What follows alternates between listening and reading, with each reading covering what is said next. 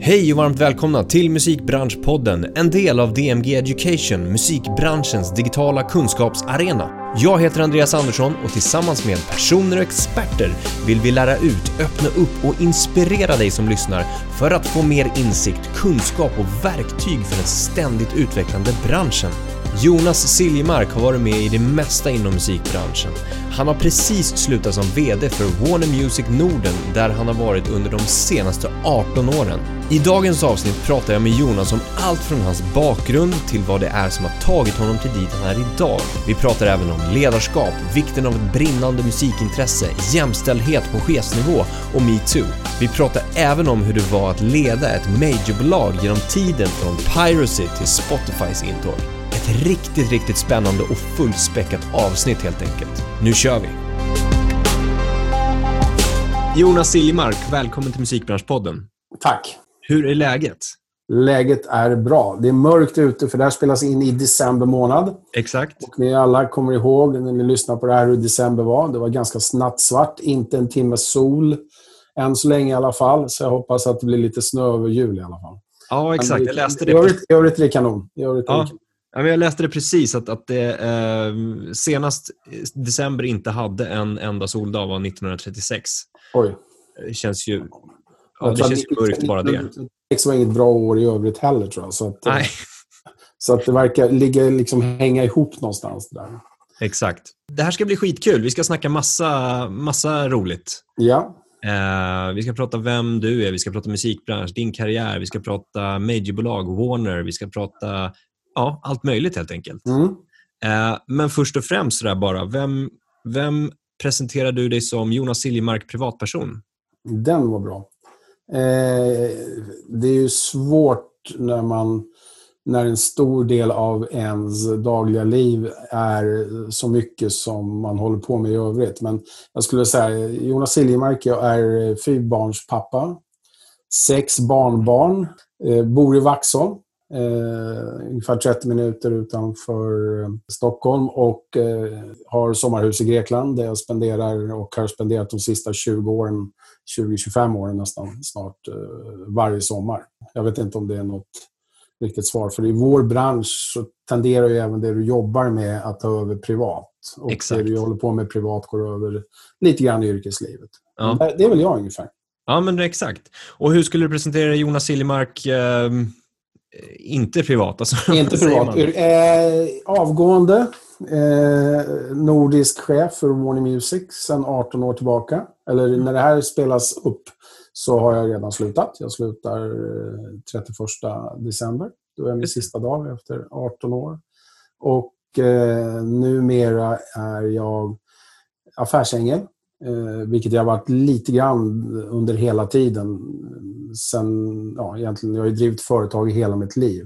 Mm. Men de sista åren på Warner så har jag också investerat en del i nya bolag. Vi, kommer, vi kommer lite in på det också, tänker jag mig. Vad du Mm. gör idag och, och kanske framåt också. Vad du vill Just göra för någonting. Men om vi börjar, vi backar bandet ännu mer. Du har ju varit i branschen ett tag, som du sa. Du har drivit bolag, du har varit eh, chef. Eh, när du började i musikbranschen, var det... Jag tänker så här, man, man, man kan måla upp en bild av hur det var när man tog sig in i branschen. Man började i Mm. postrummet, inom citationstecken. Eller man började på lagret och jobbade sig uppåt. Hur, hur såg det ut när du började i branschen? Ja, Jag, jag har väl gjort eh, någorlunda annorlunda resa, men egentligen samma sak som du säger. För, att- för entrén historiskt sett i musikbranschen var ju... Du börjar med att rulla affischer och sen till slut så slutar du med att vara agent för några band eller så börjar du på lagret på något av majorbolagen och jobba extra på helgerna eller när du nu var över jultider. Jag började som diskjockey. Mm. Så det är min. Jag var, började som diskjockey. Jag började faktiskt som diskjockey redan när jag var i högstadiet. Eh, du vet, klassiska, man, eh, man älskar musik, man gillar framförallt hits, vilket jag har gjort i hela mitt liv. Och började då spela på helgerna. Mm. Egentligen redan från 13-14 år ungefär. Lokalt i Värmland där jag kommer från från början. Stadshotell och Folkets hus och Folkets park. Det är min resa. Mm. Eh, sen så fick jag jobb i Grekland när jag var 16-17 direkt efter nian. Som DJ? Som DJ. Ja. Så jag spenderade två år på Rhodos och spelade ja, i princip sju kvällar i veckan, sju månader per år ungefär. Så gjorde jag det i några år. Däremellan så jag hade en vinter i Stockholm. Tror jag, då åkte jag på någon turné med någon som diskjockey också. Eh, och sen efter mitt andra år i Grekland, jag var på väg att göra tredje år i Grekland. Jag var på, nästan på väg att flytta ner till och med, för jag hade grekisk flickvän på den tiden. Och hon bodde i Aten. Och då, det var, jag var väldigt nära att hamna i Aten vintertid och fortsätta på någon av de här öarna. Kanske då Rhodos, det vet jag inte. Men ja, jag bestämde mig för att det där kan vara trevligt och det är ett fantastiskt liv. Det är, du har det så jättebra så att det är nästan inte sant. Men du bygger inte så mycket. Förutom ett fantastiskt liv. Utan eh, jag ville väl göra någonting annat. Så då tog jag mitt pick och pack, flyttade till Stockholm och började, fortsatte som diskjockey men började också spela, eller började, förlåt, boka andra diskjockeys. Ja, okej. Okay. Så det är, min, det är min väg in, den här klassiska eh, resan. Liksom. Ja, ja. När du började boka andra diskjockeys så började du boka breakdance-artister. Jag tror jag var först med det i Sverige. Det började hända framförallt i Stockholm. Så satte man ihop turnéer och så körde man ut de här grejerna eh, ut i landet. Mm. Eller kopplade ihop dem med varumärken och gjorde såna här, liksom, du vet, i princip ja, event egentligen som det var. Det hette inte event på den tiden, men det var event. Ja, och då fick du eh. kontakt med liksom, branschpersoner, om man kallar det för det? Ja, det, det, är någonting du, det är någonting du jobbar Alltså det blir ju bara så. Om du ska ut och göra business, mm. det enda du har det är din mun, dina fötter och en telefon. Mm. Då skapar du det kontaktnätet och tar för dig. Och ja, du levererar på det också så småningom. Men det resulterade i alltså, att du bokade, att du skapade liksom det här... Äh, alltså du skapade dina egna möjligheter på något sätt? All, absolut, absolut. Det var ju ingen räkmacka utan eh, jag, jag, tror att började, hade ju inga, man hade ju inga pengar heller. Va? Så att man fick ju liksom börja med... Jag tror jag lyckades få en checkräkning på 5 000 spänn av Handelsbanken på den tiden. Mm. Och sen när man skulle... Så fick man hyra in sig på ett kontor och då fick man hyra in sig per gig man bokade. Liksom. Det fick de i någon slags hyra istället. Så att det gällde att vara flexibel och ta för sig och eh, kanske jobba ganska hårt om man ska vara mm. ärlig. Mm. Det var väl inte de mest lönsamma åren, men det var de, det var ju under de åren man lärde sig. Ja. Så det var ju min alternativa utbildning. Mm. mm. Ja, men exakt. Så att, och det, ja. och det är en ganska klassisk resa i musikbranschen. Jag tror oavsett vad det är. Diskjockeyeriet är en väg in, musiker är en väg in. Eh, producent är ingenting du blir direkt utan det är någonting du lär dig efter att ha spelat musik och så vidare. Det finns många olika vägar in.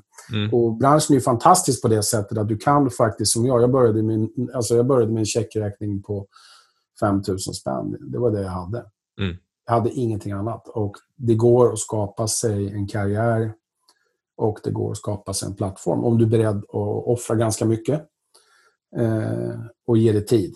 Mm. För det går inte fort och det är inte gratis. Eh, ja, men precis. Och, och det är det man måste tänka på. Så att säga. Samtidigt då så saknades ju då, apropå det vårt snack om vad ni håller på med på dagarna. Eh, jag kommer kom ihåg att när jag gick, jag, skulle, jag gick i högstadiet och musik var ju min grej. Och Den enda utbildningen som fanns då, om du skulle in i musikbranschen, var i princip att bli ljudtekniker på Dramatiska institutet. Ja. Nu gick det bra för mig ändå, men jag tror att många... Hade det funnits en utbildning, en mer inriktad professionell bildning mot musikbranschen, idag finns det ju flera. Mm. Alltså både privata och så att säga någonstans i skolregi. Så hade det varit jag tror att det hade varit bra för branschen. Jag tror att det är bra nu att det finns utbildningar så du kan komma in och spara dig spara fem år av ditt liv och läsa in det på tre istället. Mm. Du får inte samma djupa erfarenhet, men du får en bredare kunskap. Så det är väl det som är skillnaden. Det fanns inte på min tid. Jag var inte intresserad av ljudtekniker för det första. Nej, men exakt. Jag var intresserad av att göra business. Alltså, ja. och, och, hur tog du dig in i businessen då? Om man, om man liksom du höll på med det? är till, ta tillfälligheter. Jag jobbade in, när jag gick i nian så jobbade jag i en skivaffär efter skolan för jag var så skoltrött och så var jag diskjockey på helgerna. Och in kommer en dansare som är på turné och letar efter en, en, en, någon typ av låt som jag inte hade i skivaffären men som jag hade min back hemma. Hon får komma hem till mig efter att jag har stängt skivaffären. Eh, och vi hittar den där låten. Jag följer med ner till det där diskot eller hotell. Jag tror att det var ett hotell, för de var ute med någon show. Alltså någon sån här helkvällsshow. Jag träffar agenten för det här, för det här paketet som, som sa vad schysst att du har hjälpt oss med det här. Vi har verkligen letat efter det här. Vad gör du? Ja, diskjockey. Okej. Okay. Ja, men du. Så ringer han mig dagen efter och säger du, du kan få åka till Grekland om tre veckor. Vi har problem med vår diskjockey på Rhodos. Mm. Vill du sticka? Och, och där säger... var svaret direkt ja? Ja. Eller? Och så sprang ja. man, ja, det var ju jag. Så sprang man upp till morsan. Man var ju, jag var ju bara 16 bast. Jag hade ju, ja. jag hade ju inte, jag hade inte påbörjat gymnasiet ens en gång. Mm. Och, liksom, och då tar man den möjligheten. Mm. Och så springer vad, man på den. Vad tror du att, eh, har det alltid varit sådana möjligheter som du direkt har kunnat utvärdera att du tackar ja till? Alltså vidare ja, sen när du har fått förfrågningar? Du styr ju ditt eget öde också genom att gå åt ett visst håll. Det är ju inte bara så att saker och ting läggs i ditt knä och du säger ja eller nej. Du måste ju, ha, du måste ju ändå vara medveten om åt vilket håll du vill gå. Ja. Annars får du inte de möjligheterna. Men sen måste du vara beredd att ta, ta dem när de kommer och våga ta dem. Så att säga. Mm. Mm. Eh, men jag tror att man kan komma mycket bara med att styra sig själv. Jag vill åt det här hållet. Jag ska lära mig att bli bra på det här och ta det därifrån. Mm. Eh, men sen så måste du ha lite stolpe in som det är med allt annat också och mm. mm. kunna utnyttja det. Nej, och kanske förstå resan dit också. Att, att du behöver, du kan inte ta dig dit genom, att, genom ett steg, utan du kanske behöver ta de här olika stegen. Absolut. Och jag tror att, jag tror, jag, samtidigt så är det så här med entreprenörer, för det tror jag, om jag ska kalla mig någonting egentligen så är jag väl entreprenör. För det har jag alltid varit. Så tror att, jag tror att du måste också vara lite naiv. För vet du, vet du innan vilken resa du har framför dig så, så kanske du inte är, går rakt fram hela tiden. utan du kan, Det är lättare då. Liksom, för det är jobbigt att vara entreprenör. Du kommer att åka på så mycket stryk på resans gång. Och nu menar jag inte i negativ bemärkelse, utan man är med om massa grejer som man måste lära sig av. Och eh, får du allt det där uppmålat innan eh, så kanske du inte vågar ta det. Så jag kanske var en blandning av nervitet, eh, opportunist eh, och bara köra på. Det är väl ja. liksom, det, det i alla fall som kanske särpräglar min resa i den här branschen på något sätt. Va? Eller ja. beskriver min resa i den här branschen. Men sen har du drivit bolag också som du sa, alltså startat bolag i nästa skede? Ja, det, det, det vart väl så här att det, efter, när jag, jag har väl alltid insett att jag var ju tillhör också de här som började i källarband när man mm. var nio bast. Jag hade en fantastisk eh, lärare i mellanstadiet som var jazzmusiker från början. Så han fick ju hela, hela eh, klassen att spela instrument. Det var allt från klarinett, eh, liksom fioler och saxofoner när folk var 9-10 bast. Va? Men jag, och så jag, klart jag startade källarband som alla andra, men insåg ganska klart att jag inte är tillräckligt bra musiker. Mm. Eh. Det, den, kan jag, den kan jag skriva under på. Samma här. men, men, men, räddningen är att du inser att du inte är tillräckligt bra musiker. Ja, precis. Alltså, alltså, för det värsta är ju de som inte inser saker. Så att jag insåg min begränsning, men tyckte ju om det här med, med liksom pop egentligen. Pop har ju drivit mig till stor del. Även om jag gillade, gillade hårdrock som alla andra när man var 13 så gillade man pop i, egentligen. Och, och diskjockeriet, när du står och spelar eh, helg efter helg och så lär du dig också se vad folk dansar till, mm. vad de går igång på, vad som passar vad. Så det har ju också präglat en hel del av min, mitt, liksom min musikbranschresa. Att kunna på något sätt få en känsla av, kommer det här bli en hit eller inte? Mm. Och den har varit väldigt viktig. Det är basen egentligen för, om jag nu ska, om jag ska, nu ska säga att jag kan plocka några hits då och då, så är ju basen att jag har lärt mig hur folk reagerar på musik. Mm. Och inte alltid, på, inte alltid på textrader, men på melodislingor, på harmonier, tempo mm. och så vidare. Så det, det, är mycket, mycket av basen kommer därifrån. Men jag bokade som sagt fortsatte, bokade andra diskjockeys och sen så slutade jag spela, spela skivor själv. Eh, några av de här diskjockerna började ju sen... De började inte med att, att kanske att, att, skriva musik, men de började ju så småningom med att producera artister. Det, det fanns ju en våg som kallades Nordic Beat bland annat, som var ett helt gäng med nya artister som egentligen gjorde någonting som inte hade funnits tidigare i Sverige. Utan mm. Sverige var ju känt för liksom gitarr och turnéer och liksom jeans. Det var ju liksom någonstans mm. musikstilen om man fick beskriva kanske 70-talet, 80-talet. Liksom. Mm, mm. det var ju någonstans svensk musik. Men sen hände ju någonting lite senare och det var ju, var ju under 90-talet. Det var ju att det kom in andra influenser, diskjockerna började göra beats. Det här var ju liksom eh, första vågen av någon typ av hiphop, om man nu får använda, alltså ur ett svenskt perspektiv. Mm. Så några av de diskjockerna som jag jobbar med, framförallt eh, Robin Rass, som jag då hade börjat tagit hand om som agent och varit sedermera manager för dem. De, jag bokade ju dem. Det började med att de hade vunnit, Robban och Rasmus hade vunnit diskjockey i SM och VM. Så de gjorde ju sådana DJ-set där de åkte omkring och gjorde DJ-shower som jag hade hand om. Sen började de producera artister och då var det ju naturligt att jag också då började jobba med de artisterna som de producerade. Just det. Ja, som en effekt. Och det var ju flera nu. Robin Rass, Dennis Pop var en annan diskjockey, Ghost mm. producer, songwriter som jag också jobbade mycket med hans artister. Och då startade jag väl Silly Mark Promotion. Nu måste man tänka årtal här. Gissa någon gång i slutet av 80-talet. Mm. Och det var ju min bas då, för egentligen då, hade, då var det inte så mycket diskjockeys längre, utan då var det ju artister. Ja, som du representerade som... Som jag representerade som agent. Ja, de flesta representerade som agent och de, några stycken var jag också manager för och jobbade mer mm. Eh, tajt, tajtare för. Mm. Och det där byggdes ju och snurrades på och växte ganska hyfsat. Och vi var ju nischade. Vi var inte, vi var inte agenturen för, för rock. Det var inte vår grej initialt. Utan vi började liksom på, på, med soul eller R&B eller hiphop vad det nu var. Eller dansmusik. Det, var ju, det fanns ju många namn på det här i början. Mm. Men det var en ny våg inom eh, svenska branschen och det var ju nya lablar då som poppade upp som Telegram, eh, Swemix, Remixed. Det var ju nya spelare helt plötsligt som också hade sin grund, inte helt och hållet, men ganska mycket i dansmusik på något sätt. Så det gjorde jag och vi breddades ju. Vi, vi var ju mycket sådana artister i början, men sen så breddades det ju och vart ju bredare. Vi hade Nordman på rosten, vi gjorde utländska konserter med Backstreet Boys och så vidare och så vidare. Men jag var ju fortfarande väldigt intresserad av skivsidan. Eh, så jag startade en liten sidolabel till Sillymark Promotion som egentligen bara hann släppa en artist, tror jag. Eller kanske två, tre. Som, eh, och det var Lutricia McNeil som fick en hit med Inte Just The Way. Och då dök också en sån möjlighet upp. Då kom ett holländskt skivbolag som heter Arcade CNR och ville licensiera det här för Europa. Vi kom inte överens, men det slutade att de gav ett bud på hela bolaget som egentligen bara hade en artist. Mm -hmm. eh, och köpte det. Och okay. köpte mig samtidigt då på ett tvåårskontrakt. Under förutsättning att jag gick över och tog hand om deras eh, svenska och sedermera skandinaviska verksamhet. Okay. Då fusionerade jag Siljemark med eh, United Stage. Då slog vi ihop påsarna.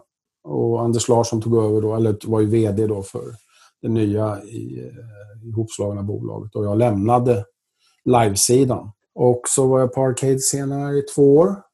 Eh, och sen kom Bonnier och ville ge sig in i musikbranschen. Och då, startade, då gick jag dit och startade Bonnier Music som det hette när vi drog igång. Det var ju ingenting. Det var ju bara ett tomt bolag utan några rättigheter överhuvudtaget. Mm. Och Får jag stanna där? Ja. Det, det, är så, när, när man, om jag från ett liksom, liksom studentperspektiv som vill in i branschen till exempel, mm. hör dig säga så gick jag över, eller så, så, så började jag där. Hur, hur gick det till? Sökte Bonnier upp dig till exempel och sa det? Så, men Jonas har ju erfarenheten. Vi, vi rekryterar... Ja, jag förmodligen är det någon som jag... Jag tror att det var någon som... Nej, men det var faktiskt någon som jag kände och som kände dem. Okej, okay. som rekommenderade dig? Ja, ja eller som sa ni borde... Det är inte rekommenderade, för var inte riktigt så... Alltså, jag gjorde affärsplanen. De ville, in, de ville in i musikbranschen. De tyckte att det var ett intressant... De var i mycket annat som var media. Eh, då var de inte i musik. Eh, och jag tror att eh, då, då sades det väl liksom, ni borde ta ett snack.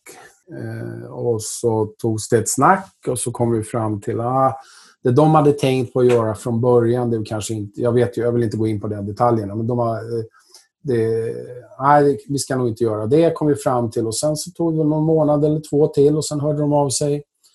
Och Jag fick frågan, om du skulle göra det här från scratch, mm. Hur, vad vill, vill du göra då? Mm. och så gjorde jag en affärsplan. Och sen så körde vi. Okej. Det Eh. låter så simpelt ibland när man... Ja, det var ju inte simpelt. Men, Nej. men, nej alltså, jag tror inte det var simpelt. Men det, det handlar ju... Jag tror att mycket eh, tjusningen med, nu menar jag inte bara musik, utan hela mediasegmentet är också att det är väldigt persondrivet. Ja. Hittar du personer som skapar kemi eller som litar på varandra, känner att man delar samma värderingar, så är det inte alltid så jäkla komplicerat. Det är Nej. jävligt svårt att få till lådan, att det ska funka. Det är jäkligt svårt att uppnå kommersiella framgångar. Men om du har rätt folk så har du förbättrat dina odds ordentligt. Mm. Mm. Jag tror, att då, så- det, var ju inte, det, det, det, var ju, det var ju svårt, tänk dig själv. Någon säger, här har du ett skrivbord. Eh, och här har du din budget som vi hade kommit överens om. Anställ folk, signa artister eh, och så vidare. och så vidare. Så det, det är klart, det, var ju, det, det är inga 40 timmars veckor, det kan jag tala om för det, det är snarare det dubbla, om inte mer än så. så att, från alla som, fick, som var med på den resan. Det var en fantastisk resa, för vi var ju verkliga underdogs. Stort bolag bakom. Men det är ju inte alltid en garanterad framgång initialt. Nej. Utan det ibland, men vi lyckades skapa någon slags underdog-mentalitet på bolaget. Trots att vi var välfinansierade, hade en stark huvudägare eh, och, och ett fantastiskt klimat. Bonnier var ett fantastiskt klimat att starta bolag i. Eh, det var liksom, de förstod media. Och musiken är ju en del av media. Och, så vi körde på och vi sprang. Vi köpte Amigo. Och till slut så var vi väl, jag skulle vilja påstå att vi var Nordens ledande independent efter fyra år ungefär. Och det här, nu snackar vi i slutet på 90-talet. Jag tror så här, Arcade köpte Siljemark någonstans 90, 96, 97. Jag tror att Bonnier Music drog igång 99. 99, ja. Jag tänker bara i relation till liksom hur marknaden och konsumtionen av musik såg ut där också. Då. Ja, den växte ju fortfarande då. Fast vad som hade Ja. hänt då vad som hade hänt då, kan man väl säga under de här åren 97, 98, det var ju faktiskt att downloading i form av, det var väl inte Kazaa redan då, jag tror att det var Napster och andra Mm. fildelnings hade ju ploppat upp. Precis. Eh, vilket jag faktiskt har glömt, har glömt att berätta då. Så egentligen så vad vi gjorde från början var att vi startade två bolag på Bo- Bonnier faktiskt. Okej. Ett som, ett som var Bonnier Music, traditionellt skivbolag, signa artister, eh, utveckla dem och sälja. Men vi startade också ett till bolag som heter Red Elvis som egentligen från, som skulle bli ett downloadbolag så småningom. Men det vi tog perspektivet att det egentligen var en, en prisjägarsajt för eh, böcker, film, spel och musik. Mhm, Mm. Och då var tanken att man skulle erbjuda det bästa alternativet för de som vill ha fysiska produkter online. Och så skulle vi bygga kundrelationen under tiden. Och sen när marknaden var re- redo för att sälja saker digitalt, direkt till konsument, då skulle vi ta den affären. Det var den långsiktiga planen. All right. Så vi drog igång det där och det gick ganska bra på prisjägarnivå. Ehm, problemet var ju sen vad som hände med hela dotcom-branschen. att det, fanns, det var ju tio år för tidigt Mm. egentligen. Mm. Eh, men det hade ju börjat ry- rycka på sig. Så, men om du kommer ihåg, branscherna växte ju fortfarande då. 99 var tillväxtår. 2000 var tillväxtår. 2001 tror jag var tillväxtår. Där 2001, 2002 så började man känna i magen, även om statistiken var upp, så började man känna i magen att fan, det är någonting som inte stämmer. Och under tiden så hade ju då pirateriet börjat ta fart.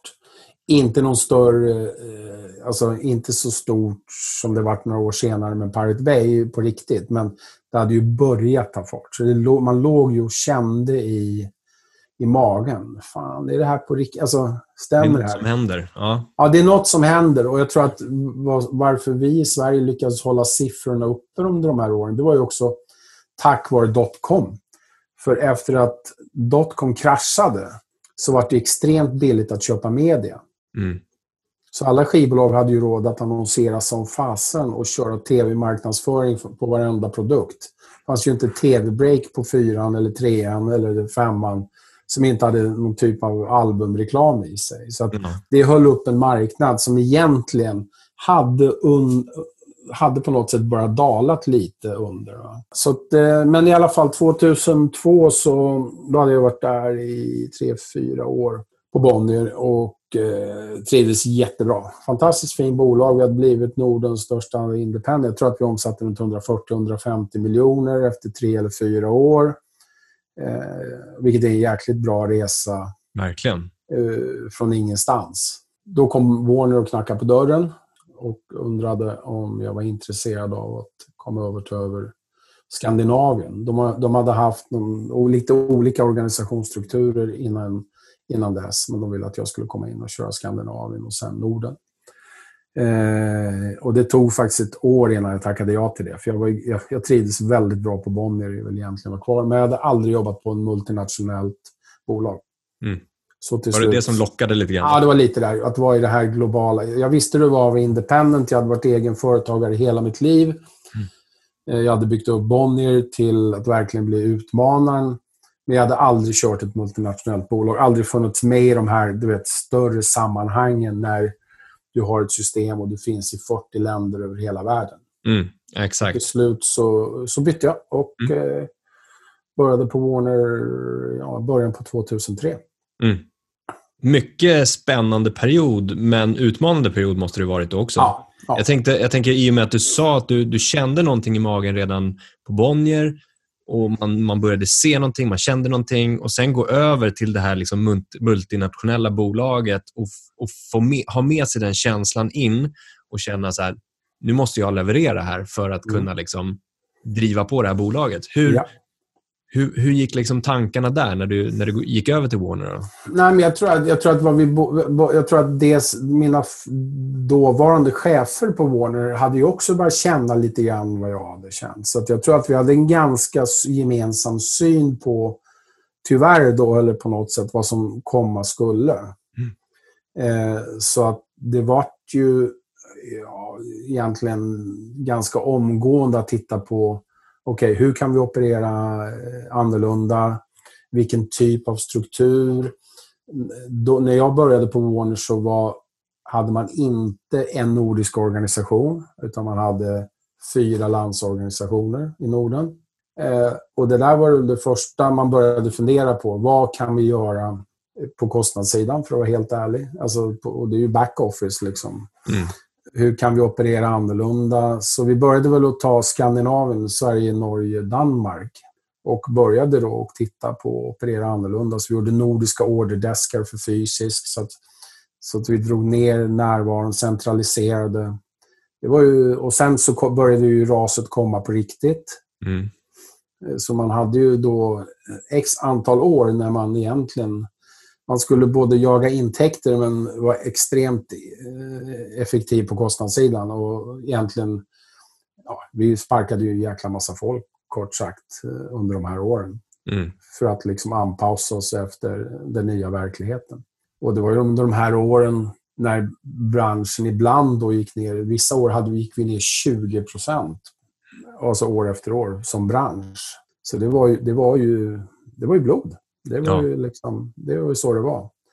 Men kände du, någon, kände du någonsin någon liksom tvekan där? att så Vad fan är det jag håller på med nu? Liksom, musikbranschen, kommer, kommer det här hämtas upp någonsin? Jag tror någonstans, jag, tror jag trodde nog någonstans hela tiden att goodwill, alltså will prevail, alltså det goda kommer att segra till slut. Mm. Och det, det, var nog, det var nog flera av oss som trodde det. Många gav ju upp. Alltså det var ju, alltså, de, ja, kanske de som inte var så djupt rotade kanske gav upp. Alltså, jag vet ja. inte. Jag hade ju levt hela mitt liv. Jag, jag, min affärsplan för Red Elvis liksom fyra år tidigare, eller fem år tidigare, tog ju fasta på att det ska bli en digital ekonomi. Alltså, ja. Det var bara problemet var att det var ju flera problem egentligen. Dels så, så var det ju vissa konsumenter som, vi, som var, var beredda eller ville ha det digitalt. De ville ha det gratis och de ville ha det digitalt. Sen fanns det ju vissa andra som också var kvar i det fysiska. Alltså ville ha, alltså, skulle aldrig bry sig om att ladda ner någonting, även om det var gratis. Det var ju väldigt splittrat. Så det var ju, det var inte bara för alla att ställa om och, och säga att nu ska vi bli digitala. För jag inte säga, alltså, du kan inte tacka nej till en miljard i business. Nej. Som redan finns. Mm. Eh, så att det var det som var det svåra att navigera egentligen. Var där i framkant på det digitala när det finns en marknad och samtidigt då behåll det du har. Ja. Och väx det du har mm. tills det andra tar över. Mm. Så det som, som entreprenör eller som företagsledare, vad man nu är, var det extremt spännande tid. Alltså, det var ju gasa, bromsa. Det var ju gasa, bromsa hela tiden. Mm. Ja, men om, det, om, man, om man kan se de tjusningarna på något sätt, som du säger som entreprenör, så det måste ju vara fantastiskt kul att få vara med där. Ja, alltså det, jag lärde mig så mycket under de här åren. Alltså, i, i, som, som, som entreprenör, företagsledare, som människa, allting. Ja. Det, var, det var ju tuffa beslut. Vi la, ner, vi la ner hela distributionen i Kista som servade hela Norden med plattor, flyttade den till Tyskland. Det är ju liksom det är stora omvälvande grejer Eh, som vi gjorde på den här tiden. Och, och det har, har, man ju med sig. Det sitter ju någonstans i ryggraden när man har gjort de här grejerna. Man ja. lär sig tänka eh, lite annorlunda. Om du tittar tillbaka lite grann, vad är det absolut tuffaste beslutet som du har tagit som ledare i din karriär? Jag tror inte det finns ett tufft beslut. Jag tror att det är massor med små tuffa beslut. Eller massor med tuffa beslut. Mm. Jag tror inte det finns någon sånt där avgörande punkt. Jag tror att som man var tacksam för när man gjorde det här inom en stor organisation, de här förändringarna som behövde göras, att vi hade resurserna till att göra förändringarna. På det sättet så var det ju ett bra ställe att vara i. Att du, är mm. välfinansierad, du, har en, du, har, du, du sitter och har möjlighet att göra de här förändringarna som måste göras. Medan många andra kanske hade det mycket, mycket tuffare egentligen. Därför att, du vet själv, du är egen företagare. Alltså jag har varit egen företagare i så många år. Jag kommer fortfarande ihåg idag, fast det var kanske 25 år sedan, när jag låg och tänkte på hur mycket skatt jag skulle ut med nästa vecka eller hur mycket sociala avgifter jag skulle ut och hur mycket som fanns på bankkontot idag. Mm. Jag vet hur det är. Så därför så är det skönt när man sitter och kör en välfinansierat bolag att man kan göra de nödvändiga grejerna utan att tänka på pengar. Aha även om det kostar en massa pengar så behöver man inte tänka på att man inte har dem. Och så jag tror att det hjälpte oss. Och, I och med att vi hade börjat med att göra eh, oss skandinaviska och sedermera nordiska tidigt så hade vi också lite lättare att dra tillbaka så att säga, att göra de här förändringarna. För vi tog, vi var, jag tror att vi var först ut att göra förändringar. Mina konkurrenter kommer säkert säga att de, de var först, men jag tror att vi var först med att organisera oss nordiskt dra ner på, alltså skapa gemensamma backoffice-funktioner och lägg, fortfarande behålla A&R, fortfarande behålla marknad, det som var utåt. Mm. Och Det gjorde att vi kunde hantera de här... Så det var ju en kris, det kan man ju inte kalla annat. Nej. Hyfsat väl. Vi köpte ju Marianne av Bert eh, och Camilla och kompani mitt under den här krisen. Så gick vi och köpte ett till bolag.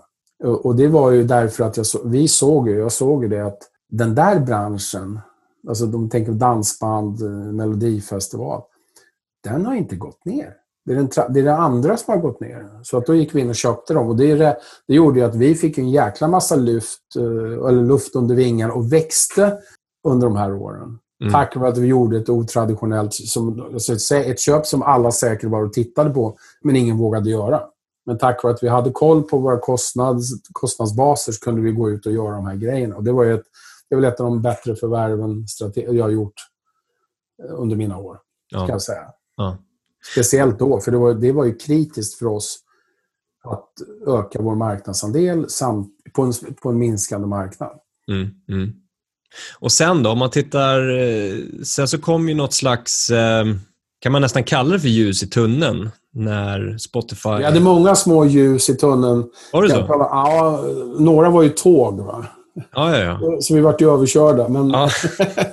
men eh, det kom ju ett litet ljus i, i tunneln. Och det var ju när vi som musikbransch gav ju, gav ju Spotify då någon slags betalicens. Det var så det började egentligen. Mm. Vi gav ju flera betalicenser om några år. Vi fick ju, jag tror att svenska skivbranschen fick ju, ja, vi, alltså, vi fick ju så mycket skit. Alltså, mm. För att vi inte gjorde något. Alltså, det var ju så det var. Men faktum var att vi gav faktiskt en hel del startups betalicenser. Där vi sa om ni får köra på de här förutsättningarna upp till x antal tusen användare. För att, för att se om det händer någonting, om det finns, finns en bärande marknad bakom. Mm. Och lyckligtvis så var ju en av de startupsen var ju Spotify i det här fallet. Men det var ju flera betalicenser som vi gav, som vi pratade med, dels genom IFPI och dels direkt, som inte heller vart någonting. Okej. Okay. Ja, ja. Alltså det, det var ju, de kom vid rätt tillfälle. Dels kom de till rätt tillfälle för oss, vi var mogna. Tror jag. Alltså, mm. Och framförallt i Sverige var vi ju mogna. Mm. För vi var ju de som hade drabbats först och hårdast. Jag tror aldrig du såg den nedgången i någon annan marknad i världen som du såg hos oss så tidigt. Mm. Så vi satt ju tyvärr då, om vi, om vi sen tio år senare satt i någon slags förarsäte när det gäller den digitala utvecklingen, så satt vi också i förarsätet när vi åkte rakt ner i källaren. Så att, ja. och det, men det gjorde oss också mogna för att testa nya grejer. Precis. Och, eller, vi kanske inte testade så mycket, utan men vi lät andra testa om inte annat. Ja. Vi startade digitala... Vi försökte göra digitala prenumerationserbjudanden med Telia. Vi hade massor med tester igång tillsammans ibland och tillsammans med andra bolag. Eh, men det var en som fick lite fart. Mm. Det, det, var, det var jättekul. Och då, då började vi framförallt tror jag, i ett svenskt perspektiv och sedermera nordiskt perspektiv bara känna att ja, men det här, det finns en det finns någon slags bärighet i det här på riktigt. Det var ju inga pengar i början. Vi, alltså, vi får inte heller glömma bort att Spotify från början, då pratar man egentligen bara Spotify Free. Mm. Man pratade ju inte premium på den tiden, utan man pratade bara free. Mm. Men vi såg väl så småningom och kände väl gemensamt att det finns en betalningsvilja. Och då, det var då man började känna att ja, det, här, det kommer att ordna sig. Sen, så var det ingen, sen var det ingen enkel resa dit, och, och, men vi kände ju någon slags tilltro på riktigt igen. Och sa mm. ja, men det, det, här kommer att ordna sig. Det finns ett värde i konst, det finns ett värde i allting som folk vill ha. Det gäller bara att hitta sättet att ta betalt för det. Den här kritiken som, som, du, som du sa, eller den här skiten som, som musikbranschen och ni fick, musikbolagen och, och sen också om man, man tänker på liksom modellerna för hur Spotify faktiskt skapades och den liksom ersättningsmodellen som har skapats därifrån så har ju det liksom lite grann fortsatt nu också in i artistsvängen. Att man får för lite per stream och det är för lite ersättning och sånt där. Ja, hur, men det, det är två... Jag, tror, jag, liksom? jag, jag, tror att... Jag, jag, tror, jag tror så här att... Eh, jag tror att den skiten vi fick från början, det var ju... Alltså från början under krisen, det var innan, hade ju ingenting med Spotify att göra egentligen. Nej, det var precis. Vi inte gjorde någonting. Alltså, ja. Varför löser ni inte det här? Ni, fyra, fem, sex majors eller hur många vi var då. Jag mm. kommer inte ihåg riktigt. Men vi, vi gjorde ju och vi försökte. och Det var inte så att vi hade tillsyn. Men det, det handlade ju också om att konsumenten skulle vara villig att betala. Ja. Sen fanns det ju så i början, när Spotify började ta fart, så fanns det en diskussion i Sverige om ersättningsnivåerna. Men jag tror att man måste ha klart för sig att, att en streamingtjänst, eller inte, det handlar inte om en streamingtjänst, det handlar om hela streamingmarknaden måste ju täcka in x antal procent av befolkningen innan det blir en marknad. Finns det 100 000 betalande eh, Spotify så blir det inte så mycket, eh, användare så blir det inte så mycket per låt.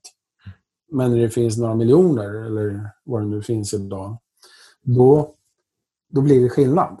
Så mm. jag tror att det i början handlar om missförstånd. Liksom. Sen tycker jag att Spotify kan höja priserna idag. Det skäms jag inte för att säga. Och jag tror att det finns en möjlighet eh, liksom, att konsumenterna också skulle acceptera det. Ja.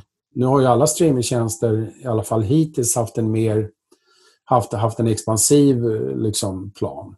Mm. In så många som möjligt i systemet och sen får vi se. Så att, eh, men jag kommer också ihåg eh, på, tiden, på CD-tiden att när vi höjde priserna på CD, då var det helsidor i Expressen och Aftonbladet och ramaskri. Mm. Hur vi kunde höja priserna. Så det är ju liksom... Eh, det är olika diskussioner vid olika tidpunkter kring det här. Men det är klart att musik, musik ska kosta pengar och det får gärna kosta ordentligt. Mm, mm. Så att vi och artister tjänar bra betalt. För det hänger faktiskt ihop. Om, om streamingtjänsterna höjer priserna så kommer också royaltyn till artisterna att öka. Mm. Eh, så att, eh, det är ju solklart att vi vill ha så mycket betalt som vi kan få utan att sabotera marknaden. Mm. Eller liksom överprisa oss.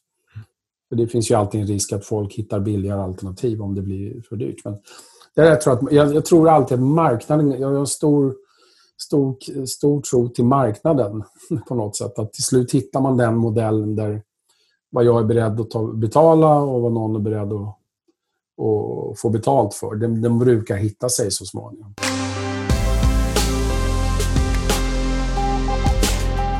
Hur skulle du beskriva din ledarskapsstil som chef? Ja, det är nog svårt.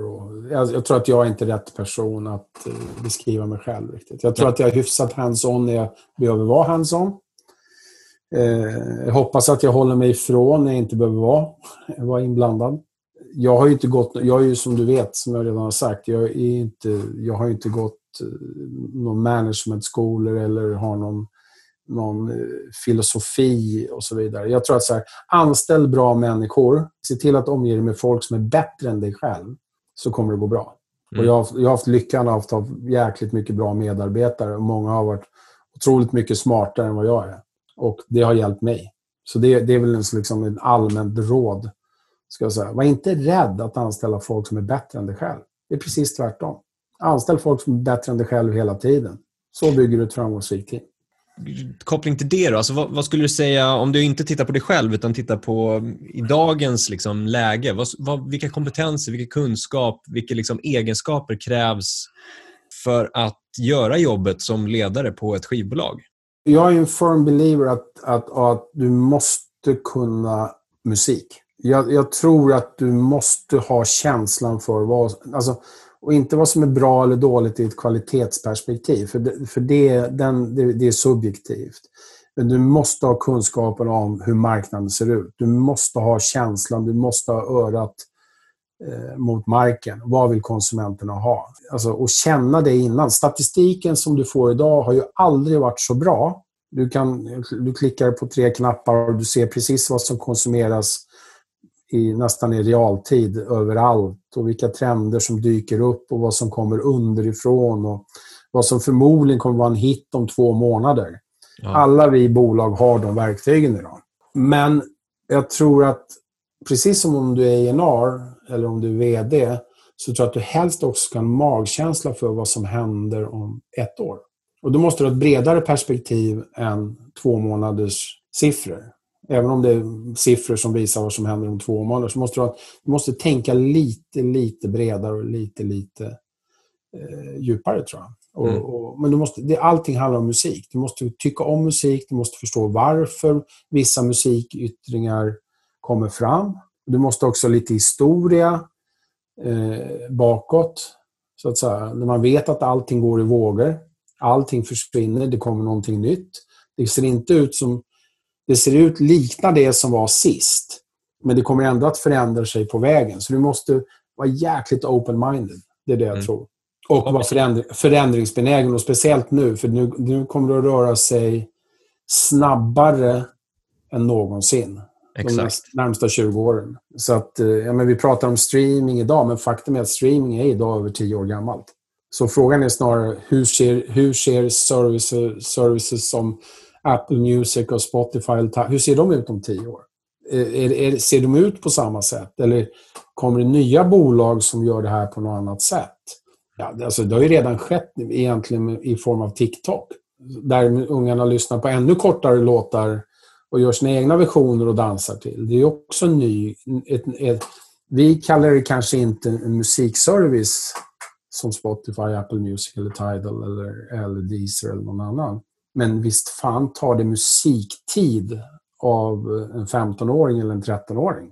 Mm. Det är bara att titta på mina egna döttrar. De spenderar ju förmodligen lika mycket tid på, på, på TikTok som de gör på, på Spotify i vårt hem. Och, mm. Men det kommer ju något nytt. Alltså om fem år finns det något nytt som ser helt annorlunda ut.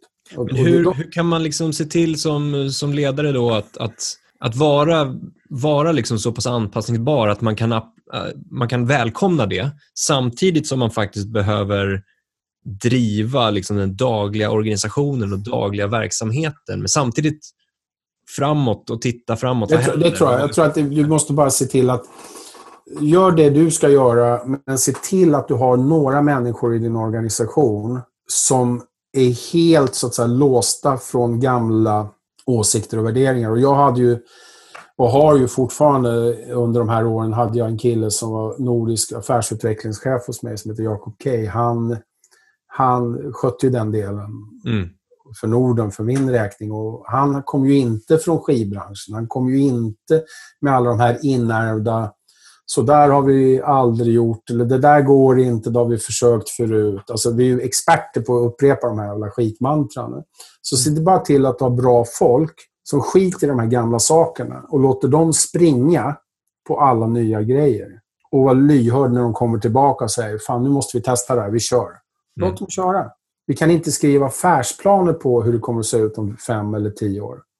Men vi kan låta folk testa. Och rätt vad det så sitter vi där med någonting nytt igen. Så att jag tror att det är en öppenhet som är det viktiga. Sen ska naturligtvis economics och allting vara rätt. Men det har vi tid att fixa under tiden. Mm. Det är ingenting vi behöver ha klart från början helt och hållet hur det kommer att se ut tidigare. Mm. Idag har vi Jens som sitter i, i Danmark, som är nordisk, som pratar med alla startups. Han har ansvaret hos oss att prata med alla nya startups som kommer upp, mm. som har musik i sig. Hjälpa dem genom våra processer och se till att vi kan experimentera och testa. Och det, det, Som du sa, det, det här affärsutvecklingstänket, det har ju lite liksom, entreprenörskapstänket också. Lite det liksom... Ja, det, det hänger ju ihop. I, i, I bolaget då, att man behöver ja. den... Ja, du måste ha det. Du måste, du måste ha öppenheten och nyfikenheten. Ja, exakt. Jag tror att det är det. Oj, vad spännande. Det kanske inte varit någonting, men det var jävligt spännande. Alltså, ja. Man kan ha lärt sig något av det också. Ja, du lär dig massor. Alltså, ja. get excited. Ja.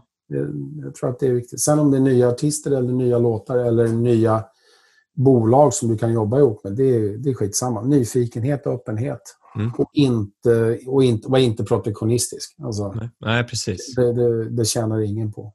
Apropå liksom, eh, vd-rollen då. Alltså, I dagsläget så sitter det ju män på majorbolagspositionerna, eh, alltså ja. som, som vds. Um, ehm, och du har ju gjort det en längre tid. Till, till och från om man ska vara ärlig. Det har ju, det har ju suttit... Eh, nu har det ju varit så ett tag. Det är mm. helt, helt korrekt. Det har ju inte alltid varit så. Du har ju, du har ju haft flera duktiga eh, VDs på olika roll under, under tiden. Mm. Eh, tidigare. Men om man tittar maj, liksom majoritets... Ja, men just nu, de sista åren, har det varit så. Och jag tror att det, har, det har ju bara... Jag tror, jag tror att det har att göra med... Det, det är så här, min, innan man, alltså jag, tror att, jag, tror att, jag tror att vi måste bli, eller branschen måste bli bättre på att öppna upp eh, mm. överhuvudtaget. Och det är, inget, det är inget snack om det. Vi har ju varit... Det är lite boys club. Men samtidigt så har alltid duktiga kvinnor kunnat ta sig igenom. Det finns ju massor med duktiga kvinnor i musikbranschen. Jag tror att vad vi måste bli bättre på som industri är att öppna upp inte bara, på, inte bara utan kvinna och män-perspektivet men också var vi anställer folk överhuvudtaget. Det handlar också om etnicitet. Eh, alltså, vi måste bli bättre på att anställa folk utanför vår comfort zone. Jag tror att om tre, fyra år, när du intervjuar Mark som tar över efter mig på Warner, eller som nu har tagit över efter mig på Warner, då kommer det se annorlunda ut. Förändringar tar ju lång tid. Och jag tror att vi, vi började inte prata om de här grejerna ordentligt eh, förrän för tre, fyra år sedan. Det var då och varför, varför tror du att det har varit så tidigare, då, tänker jag, den här boysklubben? Ja, delvis kanske från... Alltså, vi, hade, vi, tog, vi hade en tjej som höll föredrag för oss på Warner för några år sedan. Hon sa så att det är, det är väl urtypen av, av, liksom, av det här self-made man. Liksom. Precis som vi började den här podden med. Och jag är ju en av dem naturligtvis. Liksom. Fast min resa, alltså på mitt sätt. Men du börjar på lagret du tar för dig, du jobbar på. Men jag tror att också att, att säga att det är bara en boys club idag, är, det är inte sant. För det finns massor med duktiga tjejer eh, framförallt kan jag tala om ett eget bolag. Mm. Som några av de här tjejerna har absolut chans om några år att ha en riktigt ledande position. Så att, att liksom säga att det inte finns det, att de inte finns, det, det är också att förringa dem, för de finns faktiskt och de är jäkligt bra. Men vi har kanske identifierat det här för sent, eller lite sent. Vi skulle varit bättre på det mycket, mycket tidigare. Och Jag tror också att vi har inte tänkt på det. Jag tror inte, jag tror inte att det är en medveten liksom, med, jag tror inte det har varit medvetet, i alla fall inte från min sida, att, att liksom, äh, men vi, vi stänger ute. Utan jag tror bara att vi, vi, vi, har tenderat att inte våga öppna upp tillräckligt mycket i våra rekryteringsprocesser. Mm. Man har anställt dem man känner eller som känner någon och så känner vi alla ungefär samma. Så blir det samma lilla låda istället för att gå utanför den. Och, och men nu, nu är vi... Alltså, de som idag inte tänker på det, de kommer att ha stora problem om tre år. Mm. För, för marknaden ändras ju snabbt och det gäller ju både etnicitet och, och kvinna och män-perspektiv, men också teknikperspektivet och allting. Jag tror att vi vaknade lite sent och kanske inte såg... Jag tror att vi kanske framförallt inte såg strukturerna. Det var ju klart för mig under metoo. En sak var, en sak var det som hände, som var liksom det som hände och vad folk var utsatta för. Det var en sak. Det var ju skit på flera olika plan. Men om vi tar bort de så att säga, övergreppen eller om missbruk av sin maktposition och så vidare.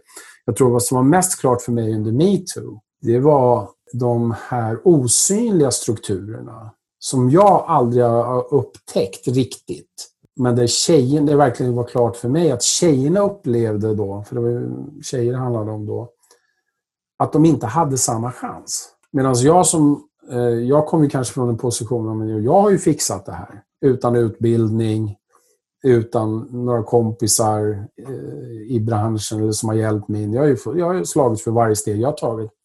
Problemet var att många tjejer, och där har de ju helt rätt, kände att, att deras, eh, deras gender gjorde att de inte hade chansen.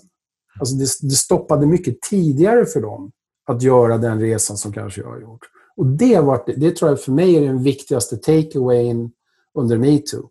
Det, är de osynliga strukturerna och det är de vi måste nu och hoppas vi har rivit. Men sen då i nästa steg, anställ inte bara vita svenskar. För det är också ett problem att vi har gjort för mycket. Mm. Aktiva beslut som... Aktiva beslut. Och tvinga, tving, var, vid varje rekrytering, det införde mm. vi ju på Warner. Vid varje rekrytering måste du också titta här och här och här. Har du inte gjort det, då får du inte köra. Så att eh, vi ställer frågan idag, eller ställde, det här är ju februari, men vi ställer frågan vid varje rekrytering. Har du också försökt att rekrytera därifrån? Och det är ett kommersiellt beslut. Man kan tycka att det är ett vackert beslut, men för mig, och det är det ju grund, det blir ju ett vackert beslut, men i grund och botten är det ett kommersiellt beslut. Mm. För du kan, om du, ska, om du ska sköta ett skivbolag idag, 2021, så måste dina anställda se ut som marknaden. Och marknaden ser, ut, ser inte ut eh, 90 vita killar eller 90% vita människor. Så ser inte marknaden ut. Marknaden ser helt annorlunda ut idag. Om du inte ser ut som marknaden så kommer du misslyckas. Du måste reflektera den och egentligen kanske ha en övervikt för att fånga upp trender tidigare.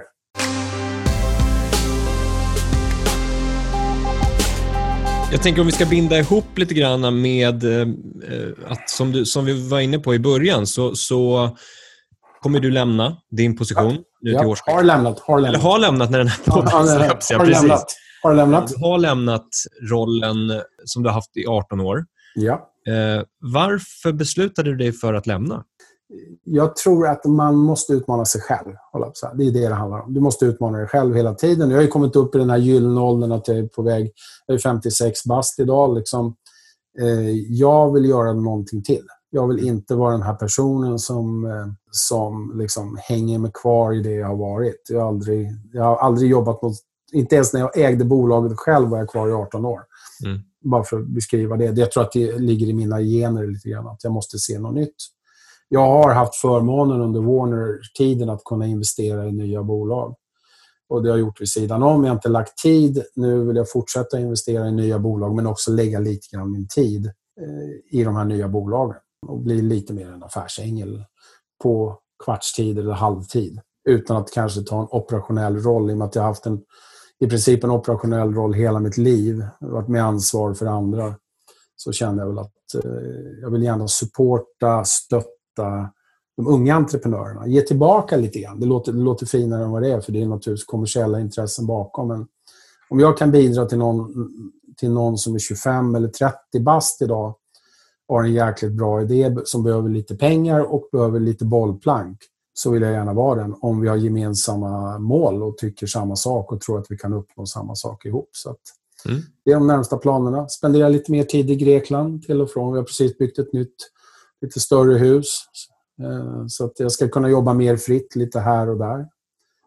och så vidare. Så det är, inte, det är inte så dramatiskt egentligen, utan det är mer hela tiden förändring. Mm. Det, det, jag drivs av förändring. Men en ny riktning. Och, och, I den här riktningen, vad hoppas du på att kunna hitta hos bolagen? Vad, är, vad jag, vill hitta, vara... jag vill hitta några... Jag har ju redan några riktigt fina investeringar som, som jag har haft förmånen att få investera i tidigt. Som jag tror jag redan nu har gjort bra resor och några av dem kommer att göra riktigt bra resor framöver. Och jag mm. hoppas hitta mer sådana bolag där man hittar nya unga entreprenörer som har kommit på någonting som ingen annan har kommit på eller som alla har dissat och sagt det här kommer inte att gå. Eh, det här kommer inte att funka. Men ändå så lyckas de komma igenom. Jag hoppas hitta de bolagen som eh, rör om en viss marknad och eh, skapar någonting nytt. Och det Spännande. tror jag, jag, göra. jag har några stycken på gång, hålla på så här. Men det finns massor med duktiga entreprenörer i Sverige. Och, och det ska man ju tacka mycket det här Alltså man ska tacka liksom dotcom-kraschen och alla entreprenörer som var med då, som betalade dyrt. De var jävligt rika, men betalade jävligt dyrt. För det var papperspengar, inga mm. riktiga. Men sen de som hade orken att komma tillbaka igen och visa att Sverige är idag jag skulle säga ledande tech-nation om du tittar på hur många vi är egentligen och vilken typ av marknad vi är. Vi är duktiga på att vara innovativa, hitta nya sätt, disrupta igen, liksom komma tillbaka, skaka om, göra på ett nytt sätt. Och det inspirerar ju alla andra unga. Alltså alla andra som är 20 och 25, de har ju sett vad de tidiga tech-entreprenörerna har skapat. Och då blir de motiverade och vill gå en vända till. Mm, mm. Så att, eh, det är lite grann som när Björn Borg spelade tennis eller Ingmar Stenmark åkte skidor. Vi hade ju massor med duktiga skidåkare och tennisspelare efter de två legenderna. Och nu får vi massor med nya techföretag tack vare de tidigare tech-människorna som har gjort det bra och duktiga entreprenörerna. Så att, där ska jag vara med och där är jag med lite grann och tittar. Vi ska avsluta med lite tips bara. Japp. Och om vi börjar rikta oss till en eh, person som vill jobba i musikbranschen, alltså bakom musiken, eh, på ett bolag någonstans eller liksom med affärsbiten. Mm. Vad skulle du säga är dina tips till någon som vill ta sig in och börja jobba? Nej, men jag, jag, jag tror, jag tror väl idag, idag, då, idag finns ju utbildningar du kan gå. Du kan ju faktiskt skapa dig den akademiska kunskapen idag mycket, mycket lättare. Och eh, det trodde jag kanske inte jag skulle säga för 20 år sedan, men försök att, att, att ta den vägen. För att du kommer att kapa några år på din utbildningsanställning annars. Och idag, branschen blir ju inte mindre komplex. Rättighetsfrågorna var ju någonting som någon annan skötte förr i tiden till exempel. Om hela rättighetsfrågorna. Du kunde jobba på skivbolag i tio år. Du visste att det betalades någonting där och där för copyright och så vidare. Idag är du en del av allting. Alltså mm. varje nytt projekt finns med hela tiden. Så ta en utbildning, ta de där åren som inte jag gjorde. För idag tror jag att det, det, du har verkligen nytta av det, just att branschen är mycket, mycket mer komplex. Och sen ge det inte. Det är bara ge. Det är bara inte, alltså, ge inte upp. Och går det inte och är du entreprenör, entreprenöriell lagd så ska du naturligtvis starta eget. Mm. Och i den då, om vi, om vi riktar oss till den personen som redan ja. innan känner så här, ah, men jag vill inte ta en anställning. Jag har ju, jag har ju så mycket idéer, jag har ju så mycket liksom, saker jag vill göra. Mm. Uh, och Det öppnas ju upp, framförallt nu under pandemin som har varit, det öppnas ju upp extremt mycket möjligheter. Ja. Uh, och digitaliseringen och hela den biten. Hur, skulle dina bästa tips, du som har gjort det också, starta bolag, vad skulle dina bästa tips vara till någon som vill göra det? Gör det.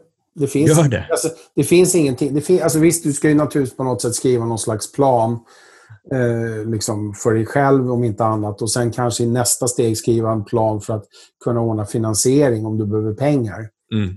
Men sen tror jag att action eh, alltså, är viktigare än ord egentligen. Alltså det, mm. för att det är lite grann som, som du kan skriva hur många affärsplaner du vill. Och det ska du göra. De får inte vara för långa, långsiktiga i tid bara. För det kommer att hända massor med grejer på resan som kommer att förändra dem. Så jag skulle säga, gör dem, ha ett mål. Men e-, erkänn för dig själv att vägen dit kommer att vara krokig. Och våga stå ut. Alltså våga låta det ta tid. Det går inte, jag brukar säga att som min regel är att även om alla säger ska gå på tre år, det finns inte ett bolag eller en framgång som, på i bolagssammanhang som har, ofta, har gått fortare. Det finns några få undantag som jag har varit med om, men det tar fem år. Det brukar mm. alltid ta fem år. Alltså, ibland tar det tio och ibland är det nästan en konkurs däremellan också. Mm. Så, att, så att eh, du måste vara beredd på att göra det långsiktigt. Gör det inte med tre års perspektiv, för det är för kort. Och var beredd på att du kommer att tjäna mer att jobba på McDonalds de första fem åren än vad du kommer att tjäna på ditt eget bolag. Frukterna kommer senare, men då kommer de förhoppningsvis ganska bra. Kanonbra tips. Eh, du Jonas, eh, superkul att snacka med dig. Ja, Härligt samtal och kul att höra eh, allt vi har pratat om och det du har gjort. Och Stort, stort lycka till framöver. Tack så mycket. Tack för att ni är så många som lyssnar på podden. Det är ni som gör att vi kan fortsätta. Prenumererar du inte på podden så är det hög tid att du klickar på den lilla knappen nu. Vill du lära dig mer? Ansök då till någon av våra onlinekurser, Music Business eller Independent Artist. Här får du träffa och lära dig av branschexperter, du får personlig coachning och utveckla dig själv och din karriär. Ansök på dmgeducation.se senast 12 februari 2021. Ta hand om er så ses vi i nästa avsnitt.